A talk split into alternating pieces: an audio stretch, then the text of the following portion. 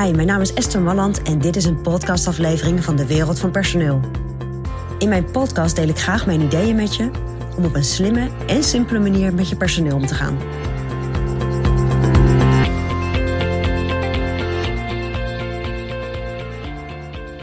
Ja, de arbeidsmarkt kan ongelooflijk uitdagend zijn hè, als je als werkgever mensen zoekt.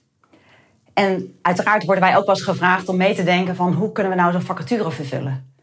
En wat me dan toch regelmatig opvalt, is dat op het moment dat je naar een vacaturetekst kijkt of naar de hele werken bijpagina of gewoon jouw vacaturepagina, dat daar woorden op staan, dat daar geschreven taal staat die eigenlijk helemaal niet meer zo aansprekend is voor de jongere generatie.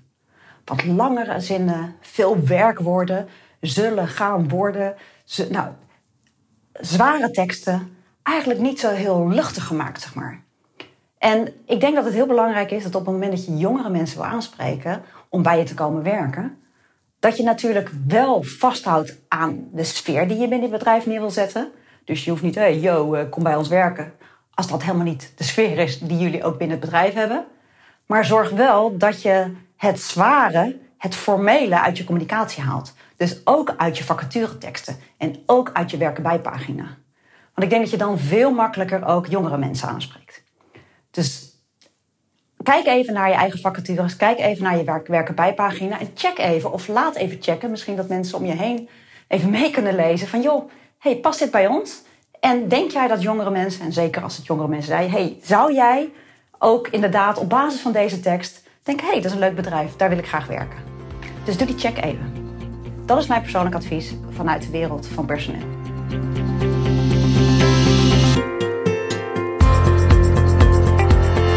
Ja, vond je dit een interessant advies? Abonneer je dan op dit kanaal. En wil je nog meer van onze gratis adviezen?